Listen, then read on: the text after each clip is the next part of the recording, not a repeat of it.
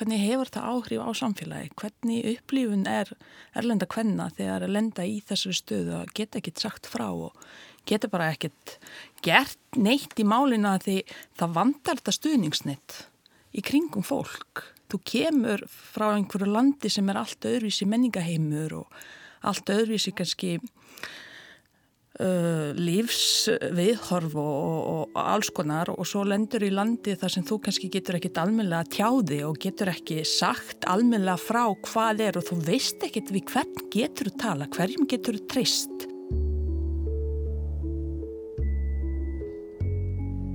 Undanfarnar mánuði hafa konur um allan heim stíið fram og sagt frá ofbeldi sem þær hafa orðið fyrir undir millimerkinu MeToo.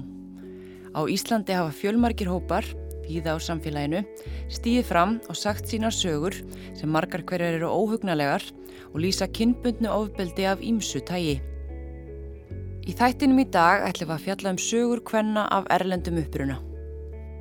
He said, you don't have rights here. You don't understand. This is me who is ambassador of your life. If or you live with me here and just uh, be happy that you have a roof, or you just go to Russia, you don't have other choice. People are just ignoring the fact that we exist in this society. Yet when they see us, it doesn't matter how much I say "Ye er Islandinga. It doesn't matter. They still see the black woman. I know that if my support system would be different, things would have been different. All these 10 years I've been here, I've been have to fight by myself. Sögurna byrtust í gær, 34 talsins og eru sláandi. Það er líst ofbeldi, nauðgunum, mannsali og misnótkun af ímsu tægi. Nikoli Mósti, fyrirverandi þingmaður, leitti hópin og sapnaði sögunum saman. Hún segir það hafa verið erfitt, konun ráttu margar erfitt með að segja sína sögu og hrættust afleðingar þess. Í hópnum á Facebook vorum 600 konur en aðeins 94 skrifa undir yfirlýsinguna. Nikol segir það skýrast að því hversu hrættar konundar séu við að stíga fram. Þetta séu viðkvæmur hópur í samfélaginu sem eigi yfirleitt lítið bakland og það séu hrættar um stöðu sína. Þetta er náttúrulega alla ska, svona, svona skali að það bara, og það málar svona mynd hvernig það byrjar, hvernig vald er tekið af konar, þetta, þetta vald nýslu það, það byrjar með litla hluti en svo ekkert að bjóða bjóða, þess að neyta fólk ákveðum réttindi um og ekkert bara réttindi þennan bara tækifæri. Það sést að það eru konur sem fekk ekkert fara námskeið, voru ekkert að vinna voru að halda nýða, var laugið að hvað var það þeirra réttindi eða, eða betur leið að komast áfram og aflösi tekjur eða eitthvað annað og hérna endist með bara hörmák, bara hryllingsögur sem er mér erfitt að eiga flestur þessu konar vildi ekki setja nafni þeirra við þetta en ekkert endilega öll þeirra vegna þess að þau óttust eitthvað meira bara vegna þess að þau vildi ekki viðkenna að þetta var hluta þeirra líf, hluta þeirra sögu eða hluta þessi samfélag einhverjum. En heldur það sé erfiðara fyrir konur og erlendum uppbruna að stíga fram með sína sögur heldur en konur sem eru fættar á Íslandi? Ég held að það hérna, lítur svart hvít út fyrir það. Það er 660 og yfir 660 konur í okkur hóp, fleiri þarna úti sem vildi ekki einu sinni koma inn í hóp og 97 sem þórið sittir nafnist sitt við hérna yfirlýsingu. 34 á endunum sem treystu sig til þess að þeirra sögu fór fram. Og mörg þessu sögu þau, voru, þau vildi draga úr hlutunum. Svo það er mér erfitt. Það er mér erfitt að, að segja hluti eins og mér finnst ekki rétt hvernig ég komið fram við mig. En íslenska konur sem hefur komið fram einhvern veginn það er mér örygg ég sé það í þeirri viðtali, í þeirri frásagnar hluti sem þeim tali vera brot suma þessi konar segja bara það inni, já þetta er kannski ekki merkilegt að þetta gerist hjá mér, en samt var ég í annar hóp þar sem ég sá íslenska konar segir, ég trú ekki þetta hefur komið fyrir mig, það er munir Og þetta er svolítið kannski falin hópur það er mér falin svona, og mín, mín hræsla við þessu er að við verðum tvískipt með nokkra kona eins og mig og, og aðra sem sigla einhvern veginn á milli og, og, og endums með að vera eitthvað brú. Og þetta er ekki rétt. Og þetta er líka pínu svona erfitt. Ég hérna fyrir sjálfa mig að, að vita að ég bý með ákveðin forrættindi samt er ég hluta þessu hóp ég, ég er hvít, ég er frá bandaríkunum ég lærði tungumál hérna, hérna auðverðlega og það voru kannski nokkru hluti á leiðinni sem gaf mér tækifæri. Og það er umilegt að það skulle vera bara sumir sem fæði þessu en ekki aðra.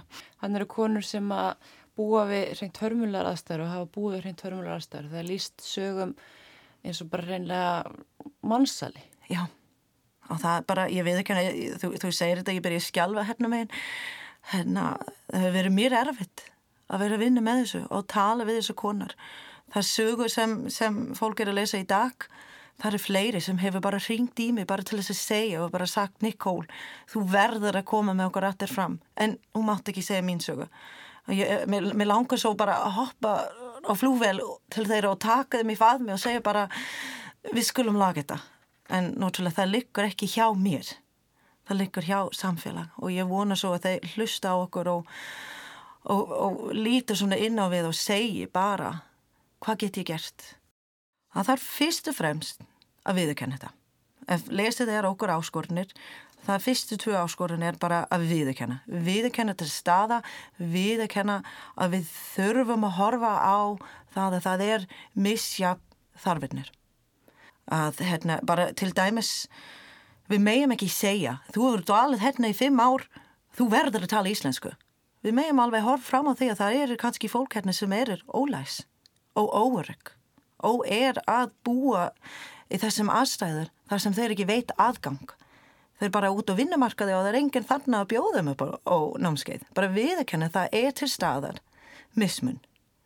Og finnum okkur leið til þess að valdefla fólk innan okkur kerfum og innan okkur samfélag á vinnumarkaði. Bara þetta gerist og, og, og við verðum, ég hef sagt þetta áður, við verðum að hugsa á þetta ekkit endilega sem sigur þessi einstaklingur, auðvitað er það það, en hvert einstakling sem býr á Íslandi er sigur Íslands er sigur okkur samfélag. Við erum fyrirmyndir þjóð og bara gerum þetta rétt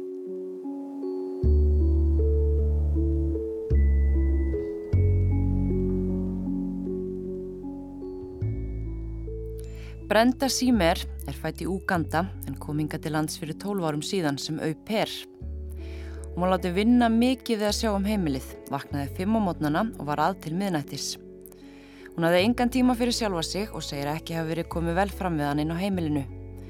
Hún segir dvölina ekki hafa verið góða en eftir mánuð bauð móðir konunar henni að flytja inn til sín. I came to Iceland in 2005 as an au pair. Um, my situation lasted for up to one month in that home. I was lucky enough after that one month uh, to get an Icelandic lady that gave me a chance. Uh, maybe at this point I won't go so deep into my story as an au pair, but after one month I had to leave the home, the family that brought me. And I was waking up at five in the morning and going to sleep at midnight, not by choice. There were chores to do in the house. I didn't know anyone. That's all I knew. Brenda flutti inn til konunar, fór að vinna og svo setna í skóla. Hún kynntist barsföðu sínum sem hún giftist og þó eignuðist saman eitt són. Hún segist marg ofta á orði fyrir því að komi sér fram við hana á annan hátt að því hún er að erlendum uppruna. Hún hafi verið lítilækuð, hún far kynferðslar aðtöðarsendi frá karlmönnum, hún hefur fengið læri laun í vinnu og ekki borgað yfirvinnu. Almennt sé gert ráð fyrir því að hún viti ekki neitt að því hún sé á erlendum uppruna og skilji því ekki neitt. Hún hefur reynd að læra ístensku, skilur heil mikið, en það hefur reynst henni erfitt að tala tungumálið. Hún er með háskólagráði fjölmjölafræði sem hún fekk ekki metna hér á landi. Hún gafst þó ekki upp og fekk hann á endanum metna og fór í háskólanám. It took three years and every time I went there they simply said we can't, uh, we, we can't validate that and I asked them why. They didn't give me an answer.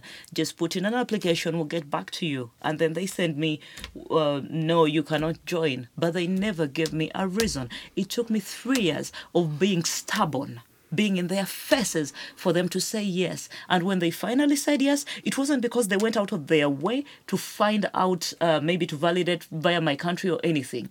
Maybe because it was just a pain. So they said, yes, you can go back to school. Brenda segir að margar konur á erlendum uppruna sem búa í Íslandi þurfa að reyða sig á eigumenn sína í einu og öllu.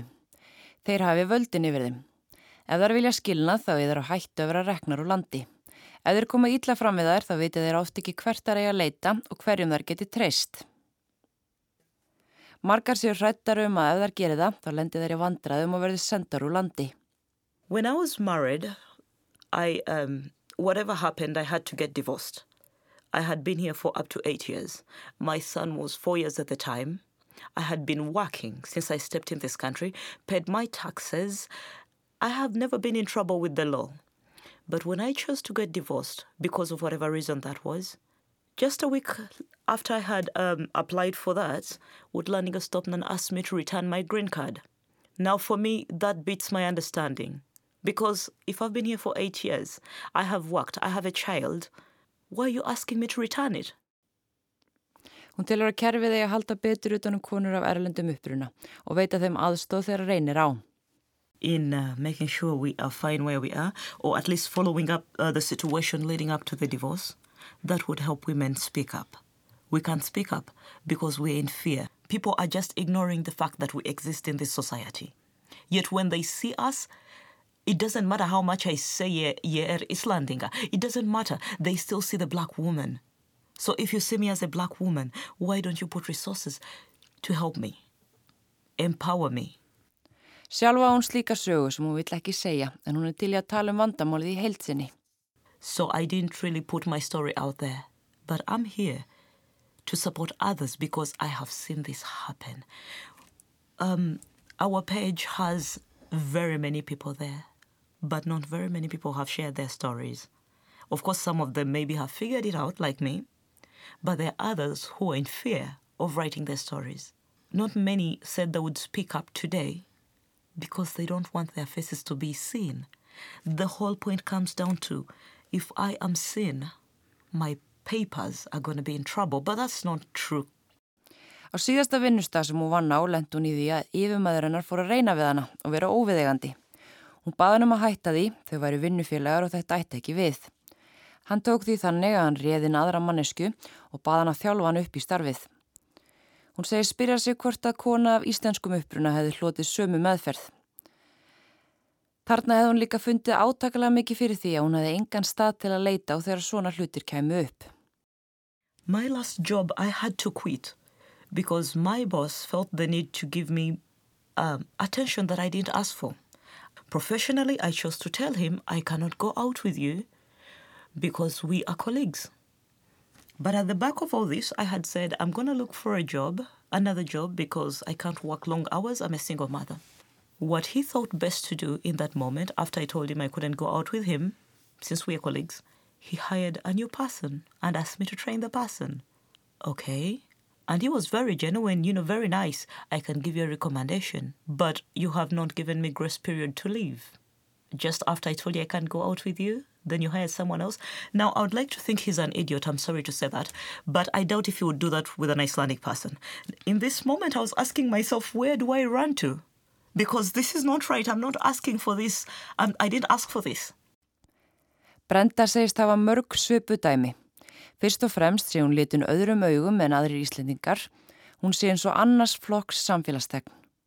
Now the thing is they may not treat you like that just because you are an immigrant, but because you are an immigrant without social support, without a, um, a force behind you, then they give themselves permission. Just because they know you have nowhere to turn to, they permit themselves. Now, of course, the same situation could happen to an Icelandic woman, but the difference is they know this woman has a group of friends around her, has a family around her, so she won't take that. Or someone will stand up for her if she can't stand up. But the difference is with us, you don't have anyone to back you up. You don't have anyone to talk to. And then the problem gets really bigger because all this is happening, it's piling up within you. You are ashamed, you think uh, you're the one causing it, and you have no, you have nowhere else to turn to. Hún segir mikilvægt að fólk standi saman. Konur af erlendum uppruna hafa oft lítið bakland og það séu fáur að verja þær. that when we come here, we're expected to integrate into society. And we do that mostly by trying to learn Icelandic, uh, get a job. But it's not, integration is not just on our part. If you want us to integrate, meet us halfway. That's how it works. Just me speaking Icelandic does not help me integrate if you don't accept me into the society. It's not enough that, I mean, we do everything. We pay taxes like anyone else. Why don't we get the same treatment? There are other minority groups in Iceland, and I love this country for that. They really watch out for them, you know. Women empowerment, this is like a solid country for women. But where is the immigrant woman in those women? There are other minority groups that this country stands up for, and we are very proud because of that. But we also acknowledge right now that we are we are a group of people that need society to stand with us. We are not just making noise, we are asking them to see us, see how we are being treated, see that we need help. We can't do this by ourselves unless the Icelandic society itself reaches out to us and meets us halfway.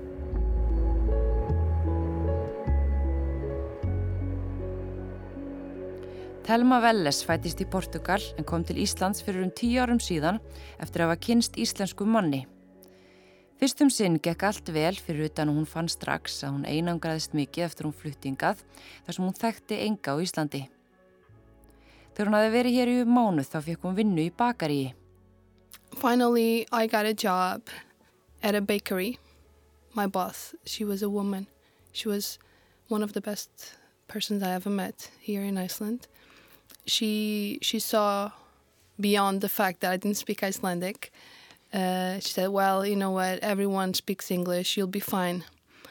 While I was working there, um, I think after two weeks, I uh, I found out I was pregnant. That was very fast. I was maybe not more than a month here. Um, things started really going badly. You know, I think my safe place was when I was at work. Uh, my boss was very supportive.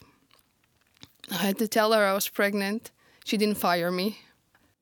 Á sama tíma byrjaði samband hennar að vestna og þau rifust mikið. Þegar hún hafði unni í bakaríunum um mánuð og hittar íslenska konu sem hjálpaði henni mikið og var henni vinnveitt, þá var hún ólétt. Kærastin vildi að hún færi fóstureyðingu en eftir að hafa hugsað máli lengi þá ákvaði hann að gera það ekki. Hann hætti með henni og hún flutti aftur út til Portugal. En kærasti vildi svo þau tækju aftur saman þannig hún flutti aftur til Íslands. He said, well, you know, but I don't want to be with you anymore. And that's when it finished the relationship. Um, that was very hard. Um, I didn't have nobody else here except him. I had a very low paid job, you know, 10 years, especially 10 years ago. Um, working in a bakery, I had a very low salary. he felt the need to try again. I said, okay, let's try to be together again. Um, and that's, I think, my biggest mistake. I caught him with someone else. I was nine months pregnant. And the lies just kept, kept on going. Þá fór hann að halda fram hjá henni. Það enda á því að hún kom á hann í rúmunu með annari konu. Þá var hún komin um nýju mánuð á leið. Sambandið endaði þó ekki þarna. Það gekk í um fimm ár. Hann beitti hana miklu andlega ofbeldi að hennar sögn, að reynda einangrana og slíta öll tengst sem hún myndaði við fólk.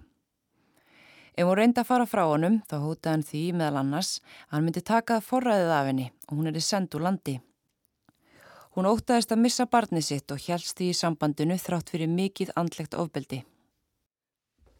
Well, during five years he used all the psychological tools uh, to um, make me stay in Iceland, to destroy any kind of relationship that I had. He would threaten me. He would uh, say that he, he was going to call social services on me or, uh, you know, get appointments to take have the custody or he actually got the point to do that. Well, it was five years of very psychological uh, manipulation Þau hætti svo saman og fljótlega byrjaði hann með öðrum íslensku manni. Hún segist að vita að maðurinn ætti við reyðavandamál að stríða og það hrætti hana í byrjun sambandsins. Hún var þó fljótlega óleitt eftir hann og þegar hún var komin um fjóra mánuða leið þá verður yfirildin harðari og hann réðist á hana. Everything just collapsed when in one of these fights he made a physical advance towards me. Um, I was maybe four four months pregnant. Uh, we we start having this fight. He he he comes towards me in a very um, violent manner, uh, almost like he was ready to go and hit me. Um, it got to the point that my daughter got so scared. She got up from her couch and and came and hugged me in a way of trying to protect me. At that point, I said, "Okay, you know, I'm not going through again the same thing I did for five years. All this psychological warfare, all this, um, you know, physical misuse, and I'm not going through through all this again." And on that day, I, I just finished the relationship. Hún segir hann líka hafa beitt sig andlegu ofbeldi og bannaði henni meðal annars að tala á móðumálinu sínu, portugalsku við barnið. Hún hætti með honum þegar hún sá fram á hún var að leiðin inn í samband sem var í svipa og þar sem hún hafi verið fösti í með fyrverandi kærasta sínum. Hún segir sannfarðum að ef hún hefði haft einhvert bakland hér á landi eða tengslanett þá hann ekki þurft að gangi gegnum þetta á sama háttu hún gerði. Vegna þess hversu ein hún var þá hún ekki geta nýtt sér það, hún var á þeirra valdi og lagði allt sitt traust á þá. I know that if my support system would be different, things would have been different. All these 10 years I've been here, I've been have to fight by myself.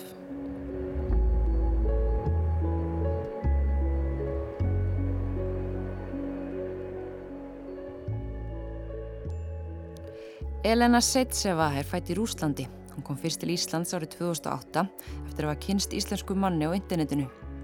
Þau hittust reglulega í tvö ár þar til hún varð ólétt. Uh, I was hoping I can have a good family. I have already one. I had already one child. When I got pregnant, actually everything changed from his side. I mm, didn't feel that he is so attentive to me being pregnant, and uh, especially when I came to Iceland than it was before. And um, when I came to Iceland, being pregnant and had have delivery delivered a child here, uh, the picture totally has been changed. Eftir að barni kom í heiminn flutt hún um tíma aftur til Rúslands þar sem henni fannst eins og maðurinn vildi ekkit með þau hafa en hún á eina dóttur fyrir. Hún átti sér draumi um eignast fjölskyldu og ákvaða að flytja aftur til Íslands þar sem dótturinn gæti verið í tengslum við föður sinn og aðra fjölskyldumeðlemi. Fljótlega eftir að þær fluttu aftur heim fann hún fyrir því hversu óvelkomin hún var á heimilinu. Framkoma mannsins gagvart henni var sífælt verri. Because I really felt uh, he just do everything he wants to do. He invited many guests. Mm, we had very loud parties at home that I actually didn't like, but I couldn't say a word that I didn't like. He just used to have everything that he could say. Just if you don't like it, you just go home. We always was like put on the side, our interests and like how I live there alone, being alone with two children, what I'm with, dealing with. I was dealing also with health issues there, just alone. Hún segir að hann hafi kallað sig öllum íllum nöfnum. Hún hafi þurft að treysta á hann í einu og öllu til þess að geta verið hér á landi og hann hafi látið hann að finna fyrir því. Uh, many different things uh, he said. Uh, uh, but when we started living together, I started feeling that I can do nothing with my life without him. But he's not willing to support really all his good steps of what I needed about papers, about residence permission here in Iceland, about everything. I just needed his permission first. I needed his support. Even I didn't want to ask, uh, but I just needed. I had to push him. So it just always was very difficult to get anything from him that I needed just for life here, just to live, to be able to live here with children. And he did it like a favor to me. He did it that it's the way that I have to appreciate it very much. Uh, I always hear, I did this, I did that, and you have to appreciate that. Þegar þau rifust hafa hann alltaf gert henni ljóst að hún geti ekki verið hér ánans og ætti bara að fara aftur til Rúsland sem hún geti ekki sætt sig við aðstæður. Þess á milli segir hún að hann hafi hóta því að hann myndi fá forræði við dóttur þeirra.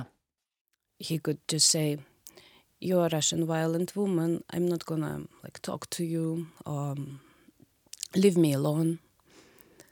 And I, and I did, of course I, I, I did, I left him alone and or sometimes I was just, uh, I could cry, I could just by myself. I just didn't see any way. I couldn't leave the country that time. My children was already fully uh, integrated here. I couldn't put them in the situation that I took now suitcase and uh, go with them back to Russia. Þau ákvaðu svo skilja. Hún vildi að skilnaður væri á friðsamlegum nótum og hún myndi fá okkur réttindi hér á landi. Hann gerði henni þó ljóst að hún hefði engin réttindi hér án hans og hún ætti frekar að fara bara aftur til Rúslands. We could maybe separate just peacefully, just... Uh, I think I can live in Iceland because I cannot take them to Russia. I, I should have some rights here. He said, you don't have rights here. You don't understand. This is me who is ambassador of your life.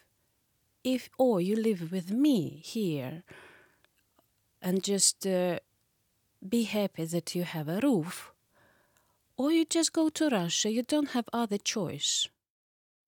Ég bað Elinu að lýsa þið fyrir mér hvernig væri að vera kona af erlendum uppruna á Íslandi og ganga í gegnum svona reynslu.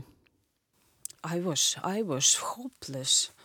Uh, I felt that I'm, yeah, like, how, how can this describe if you feel you're just nothing?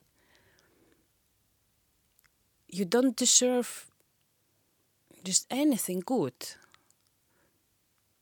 You are such a bad from all perspective.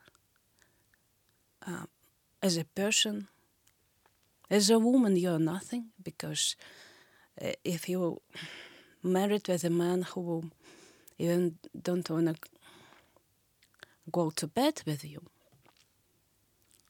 it's not okay. I cannot live like this.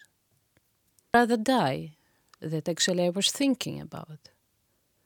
Yes, I remember very clear one. One evening, I remember one very clear. Like I considered just to die because I. I didn't know what to do. He was totally careless. He could say all these dirty words and just go to sleep and start snoring. Careless about me, kids. Þau skildi svo að endanum og hún fór í kvennagatkvarið þar sem hún var í tíu daga og fekk aðstóði að komast út í lífið á ný. Hún segist að hafa verið heppin þar sem hún hafið það ágætt fjárhastlega og hafið því átt auðveldara með að koma sér upp heimili aftur. Hún segist að hafa verið heppin, hún hafið það ágætt fjárháslega en hún viti til þess að margar konur á erlendum uppruna séu ekki sömu stöðu hún. It was not very easy to get into the situation where I am now but it's really very promising, very good. Mm -hmm. And uh, I left, first I left to women's shelter I was there for 10 days. Being there for 10 days, I found an apartment um, because I was a student that time at the university. And the student community, they helped me to find, uh, they found an apartment for me. And, uh, yeah,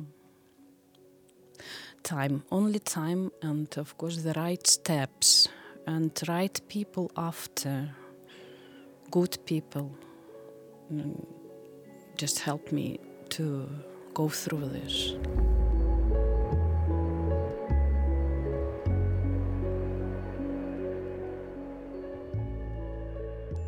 Jasmína Knakk flutti til Íslands árið 1996. Hún er fætt í Bosníu-Hessegóníu. Hún þekki vel málefni hvenna af erlendum uppruna.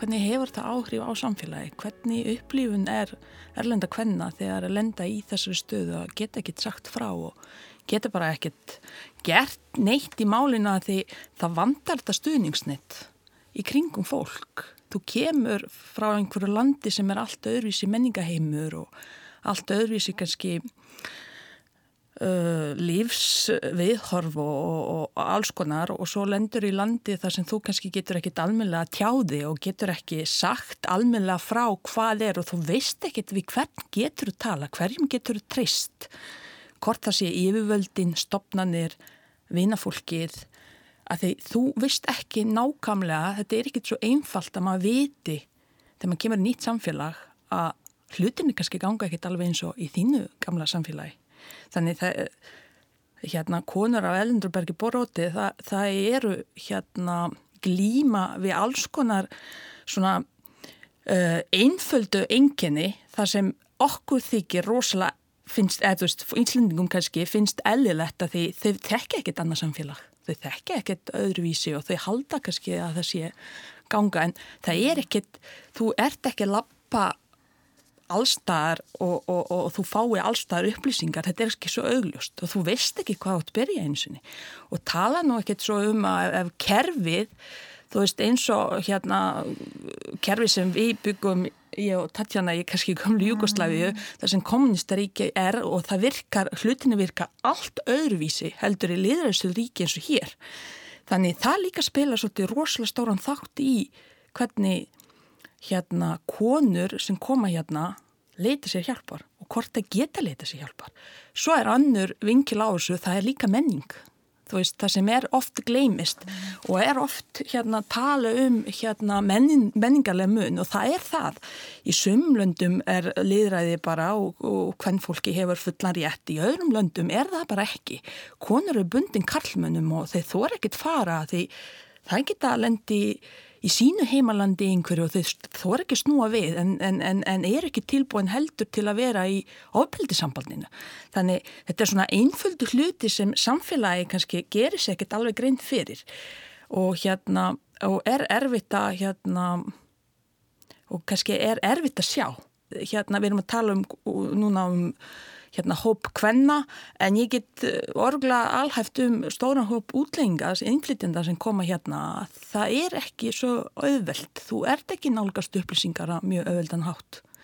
Að því eins og segi, það er eh, bæði kervislega og svo menningarlega og, og, og, og líka hérna veist, það er ekkert allir sem átt að sé hvar á að leita og við hvernig á að tala og mismunin bara, eh, þú veist, hann kemur fram allstar, hvort það sem, hvort það sem sé í skólanum, hjá læknum eða heilbriðsstjættinni, á vinnumarkaðinum, uh, mentastofnunum, hérna bara allstar og, og mín maður hefur lendi í ímsu.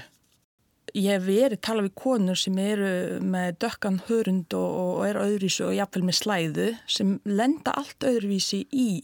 Þannig Þannig þetta eru líka mísjamt í þessum hópi hversu gróft ofbeldi er.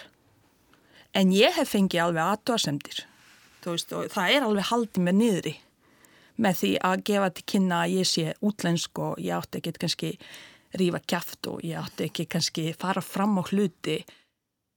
Það segja þessar frásagnir mikilvægar vegna þess að í krafti fjöldans finnur þær styrk. En það er ekkit allir heldur konur með, þess, með þetta sjálfsöryggi og sjálfströst til þess að berjast fyrir svona hlutum. Þannig við þurfum að passa betur upp á þetta.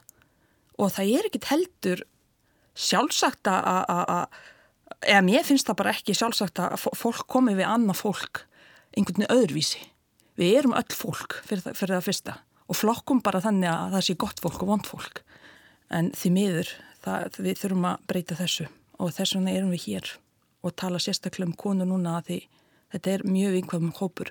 Og ég bara sagt að segja að þú ég eigi þessar einhverja sögur aðna í þessum hópi þá er hinn sögunar finnst mér bara skelvilegar og ég upplifi fyrir þeirra hönd að ég var bara kannski heppin að lenda kannski ekkert í þessu þú ég hef lend kannski ímsu en ekki kannski svona rosalega grófu og það er ekkit allir sinn tilbúin. Og þessar konur sem segja sögur frá jafnvel hérna að hérna, hann tilkynni til yfirvalda eigimaðurinn og þeir að lenda í, í barattum börnin og svona þetta er eitthvað sem held ég engin kona í heiminu vill lenda í. Það, það þurfa að vera mannlega samskipti í lægi þannig eh, sjálfsagt er þetta hérna bara, ég er bara stund, ég er bara orði orðlösa því maður hefur ekki trúaði að þetta er svona slæmt. Þú veist, maður hefur svo sem kannski vita af þessu og kannski heyrt einhverja eins og segi sögur. En þessa sögur þegar konur verist vera og fjöskildan getur ekki hérna hjálpað þá áttu ekki mikið eftir. Þá er ekki mikið sjálfströst til að þú gerir náttúrulega skapa hlut sjálfur. Þannig þessi hreyfing og ef það kannski ef það er úræði þar sem konur fá upplýsingar um og geta leita til þá væri þetta og það náttúrulega byrja náttúrulega fyrst og fremst að sveitustjórnastíginu held ég að það sé upplýsa hérna innflytjendur sem koma um réttin sín og um að, svona grundvallareglur samfélagsins hvað þú getur fara að leita ef þetta gerist, hvað, við hver getur að tala og hver hefur vald og, og hvað er í bóði. Það, ég myndi byrja þar og jáfnvel sko og myndi hvetja líka eins og sveitafélagin að ráða sig að fólk var á eldrundberri bróði sem myndi geta tala tungumálið og ná svona til stóra hóps. Það er alltaf auðvildara, það er auðvildara að tala um fólk sem tala tungumálið, af því það eru oftast næ líka tungumála erfileikar. Þannig það myndi stiðja helling. En maður færða á tilfinningunum að það sé ákveðin hópur sem að hafa ekkert mikla rödd. Það er nákvæmlega þannig og þess vegna erum við að þessu og ég veit það alveg þó við erum þarna 600 konur í þessum hóp og það er, það segir sér sjálft þegar bara 90 eitthvað skrifa undir og hérna og 30 eitthvað fjóra sögur koma fram og ef við ætlum miða okkur við hinnahópana þá hérna þetta segir mér það, það er alltaf eitthvað bakvið þar sem ennþá konur í þessum hóp þó við séum svolítið háværa núna að það er ekki að koma með sín sína sögu fram. Það er ekki ástæða fyrir því. Það er ástæða fyrir því það eru fordómar. Það er ástæða fyrir því það eru hrettar. Það er kannski ábeldi sambundum. Það þorri ekki segja neitt. Það eru ekkert með stuðningsnitt. Það er ekkert þekka ekkert. Það get ekki tala kannski jafnvel. Og einangrun er rosalega mikið og, og hérna og svo erum við bara einstaklingar fyrst og fremst og hvernig við sjálf erum. Sumir eru sjálfbjörga og aðri eru það bara alls ekki og það þýðir ekkert bara, að loka augu fyrir svo segja, þú veist, já það bara reddar þessu einhvern. Þannig við þurfum öll, bæði einstaklingar, samborgarar, nágrannar, fyrskildur, Íslendingar, bara allir, stjórnkrerfi, eh, hérna, ríkistjórnin og allt saman það þarf að virka og það þarf að hlusta og heyra þessu sögur sem eru að koma fram núna og gera tillit til að það eru greinlega fleiri þarna og reyna að ná þennan hóp, ná til þennan hóps að það er von og það er ákveðn öryggi. En fyrst og fremst þurfum við náttúrulega alltaf viðkenna vandamálið. Og það sem eiginlega það sem við erum að fara fram á það núna er að það sé viðkend að það er vandamál. Það er það er þó nokkrar konur sem þóra stíga fram og ta tala um þetta og segja sögu að það sé ekki fari út í þetta að þetta sé aðtiklisjúkar hérna, einhverja konur sem vilja bara ná einhverju fram. Þetta segi greinlega að það er vandamál horfum stjögu við það og reynum laga það. Þarna, þarna er hérna rosalega gott tól og tækifæri til að gera samfélag okkar betra við erum hluti af þessu samfélagi hvort fólk vill það, vill það ekki það er bara þannig og kerfið og fólkið þarf að bara taka tillit til þess það er bara þannig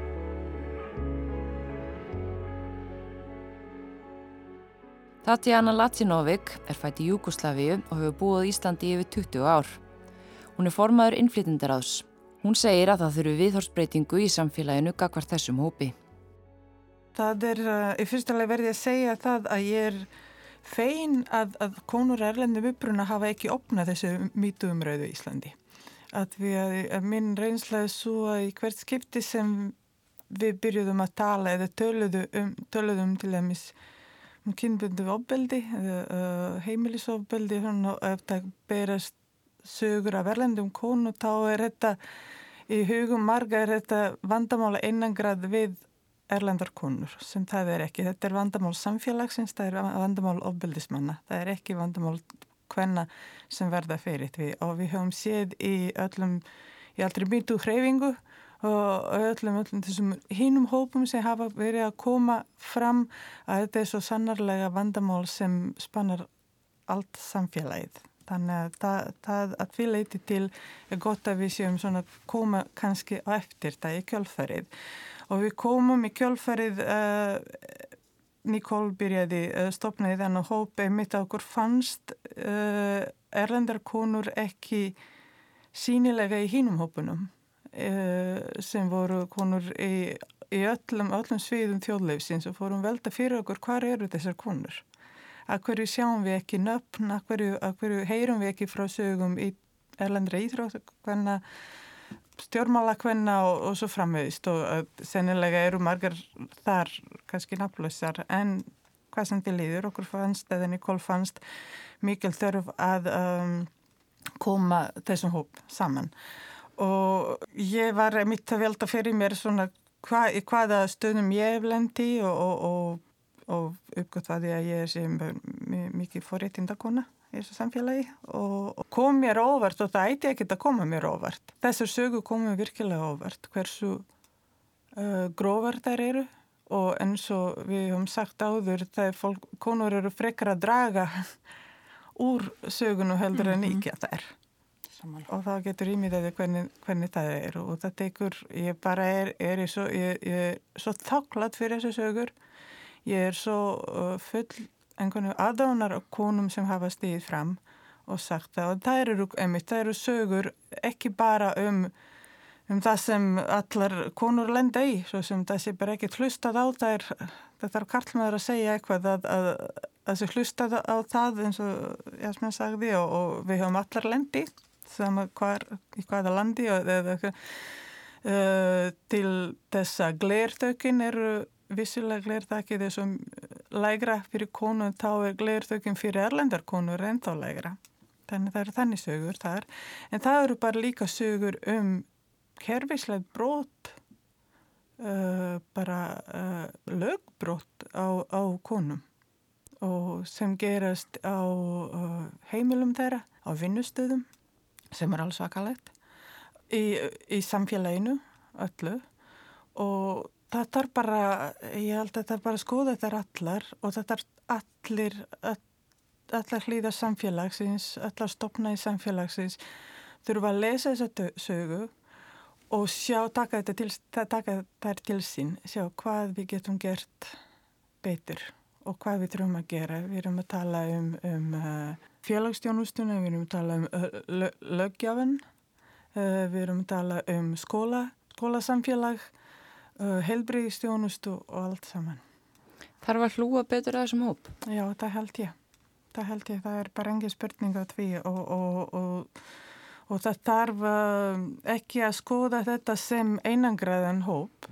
Uh, heldur þarf í öllum aðgerðum sem sem, sem ég, ég heyri og, og vona að verðu farið í og verið fyllt eftir eftir allar þessa bylgju að það þarf alltaf að setja þessi gleirögu, innflýtjenda gleirögu á og skoða í, í emitt í aðgjörðum og verkefnum sem verður að setja laginan að það verður skoðað að það, það sé tekið til, til stöðu erlendra kvenna. Þær byggja fólkum að taka þátt í að ebla þennan hóp, taka frásagnir þeirra til greina og standa vörðum þennan viðkvam hóp án þess þó að vorkinunum. Einfallega að taka konur af erlendum uppruna inn í samfélagið og bjóða þær velkomnar. Sína að erlendar konu eru hluti af íslensku samfélagi og íslensku, íslensku konur eru líka íslenskar konur við búum allar hér. Við, hlut, við viljum vera hluti af, af þessu og, og, og þessari hreyfingu og viljum bara náð bara réttarbótum og, og vituðanvakningu. Það hefur verið, eh, það er annað sem komir mikið óvart, er skortur og stöndningi frá íslensku samfélagi, uh, íslenskum samborgurum sem, sem þessar konur lýsa, af því þetta er ekki minn upplifin. Uh, þar sem uh, nagrannar konur uh, skamma erlendar konur fyrir að búa í ofbeldi samböndum að það er svo mikið læti í húsinu þegar þetta gerist. Akkur hringir þessi konu ekki lögreglu fyrir þau? Heldur segir við konu fyrir fram börnin hennar, akkur ferðu bara ekki heim til þinn. Við þólum ekki svona í Íslandi. Þetta er, svona, þetta var, þetta er mjög sláðandi að lesa, lesa þessa sögu. Um, já, þannig að ég held að þetta þarf, uh, sennilega þarf fræslu til allra sem vinna við fólk að því fólk á Íslandi er líka að verðlendum uppruna mm -hmm. og einmitt bara skoða ferla, skoða, uh, skoða áallinir og, og sjá taka þennan vingilinn. Þar Tatjana og Jasmína eru sammála um að nærsamfélagið þurfa að vera virkara og grýpa inn í. Bara vandamálið meðvirkni. Já, Að við karlmenn sem koma sem, sem beita ofbeldi, það er eitthvað meira aðheldur en það að hans er giftur eldri konu og það er, við þurfum bara að skila skömminni þar og skila ábyrðinni þar sem hún á að vera og þá er í kringum þennan mann er oft fjölskylda sem er meðvirk út af einhverju öðrum og, og þess vegna bara kannski treysta sér ekki, sjá ekki vandamál og þess vegna hjálpa ekki erlendu konum sem, sem lendi í þessu. hvernig baráttu alltaf hefur verið gegnum tíðin alltaf rosalega sterk og við þurfum alltaf berjast fyrir okkar og við höfum séð þetta núna í gegnum marga mítúhópa sem hafa komið fram. Sögunar eru skelvilegar, vægasagt og sérstaklega fannst mér rosalega erfitt að lesa sögunar úr íþjóttaheiminum þannig þessi hópur er ekkit undanskilin þessu. Það er bara, og orðlega fleiri hópar sem myndu kannski vantarlega að koma í kjölfarið, þeir eru glýma alltaf við það að sama.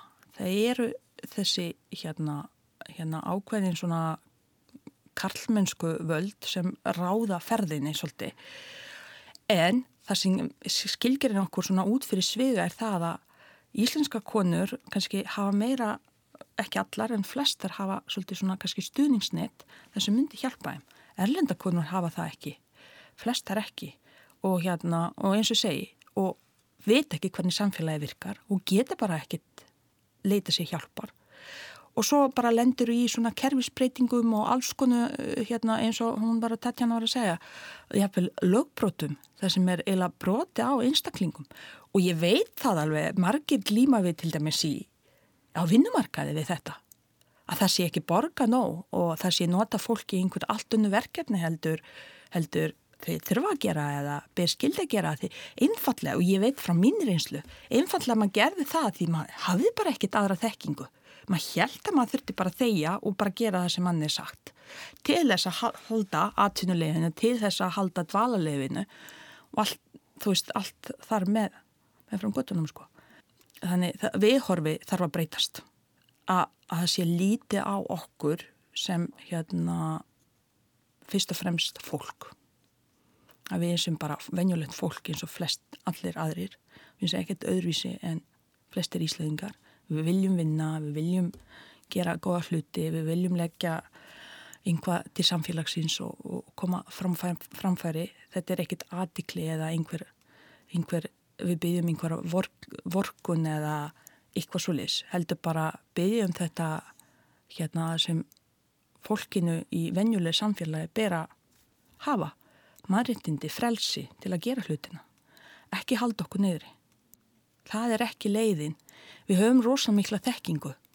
Allir hver og einn sem kemur hérna hefur svo mikla þekkingu á sínu sviði að það sé ekkit lenda í einhverju kerfi þar sem bara samþykji það ekki. Þú veist, við erum að henda við rætt oft við erum að, við, við erum að fá menta fólk hérna sem er búið að menta úti og við þurftum ekki að leggja krónu í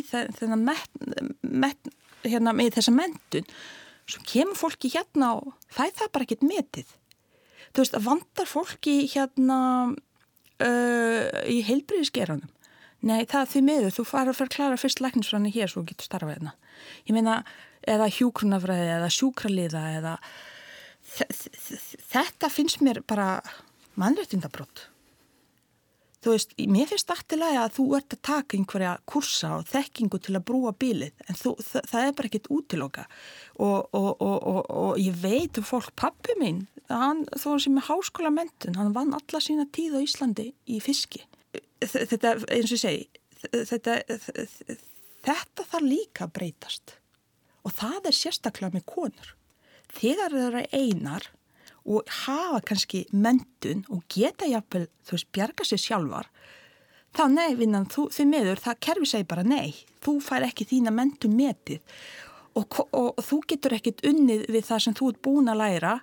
Ég meina, við veitum það alveg að það, við þurfum að hafa tekjur til að geta framflitt okkur. Þannig að þetta stoppar okkur og kerfi er ekki að hjálpa. Þannig það þarf að líka, veist, það þarf eins og segi, það þarf öll hérna svið og, og öll hérna í, í samfélaginu að vinna saman.